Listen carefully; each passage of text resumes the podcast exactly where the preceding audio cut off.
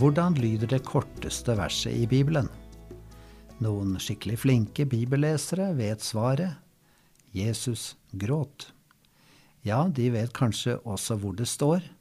Svaret er Johannes 11,35, da Jesus sto ved graven til vennen Lasarus. Premie til deg om du visste det. Men så kommer lyseslokkeren. De som leser Bibelen på den greske grunnteksten, sier at et annet vers er kortere.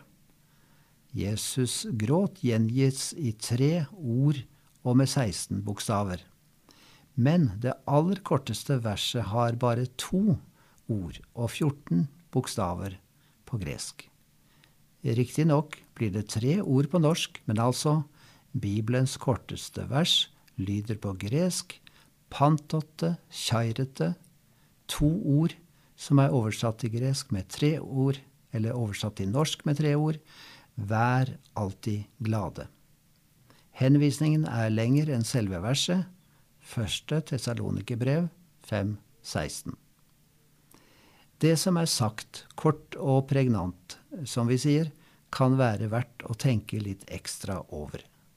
Kan de to versene kobles sammen?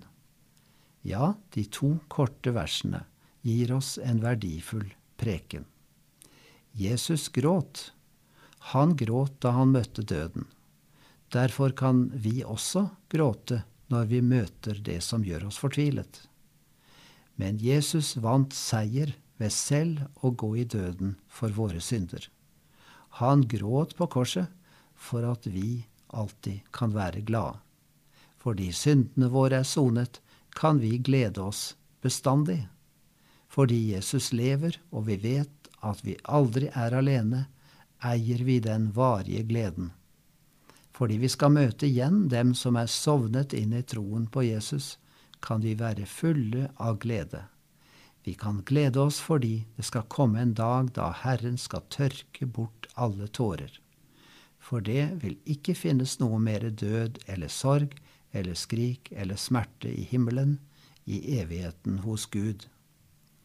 Jesus gråt, derfor trenger ikke vi gjøre det. Vi kan være glade alltid en liten preken ut fra to korte vers. Du har vel tatt imot den gleden som Jesus gir?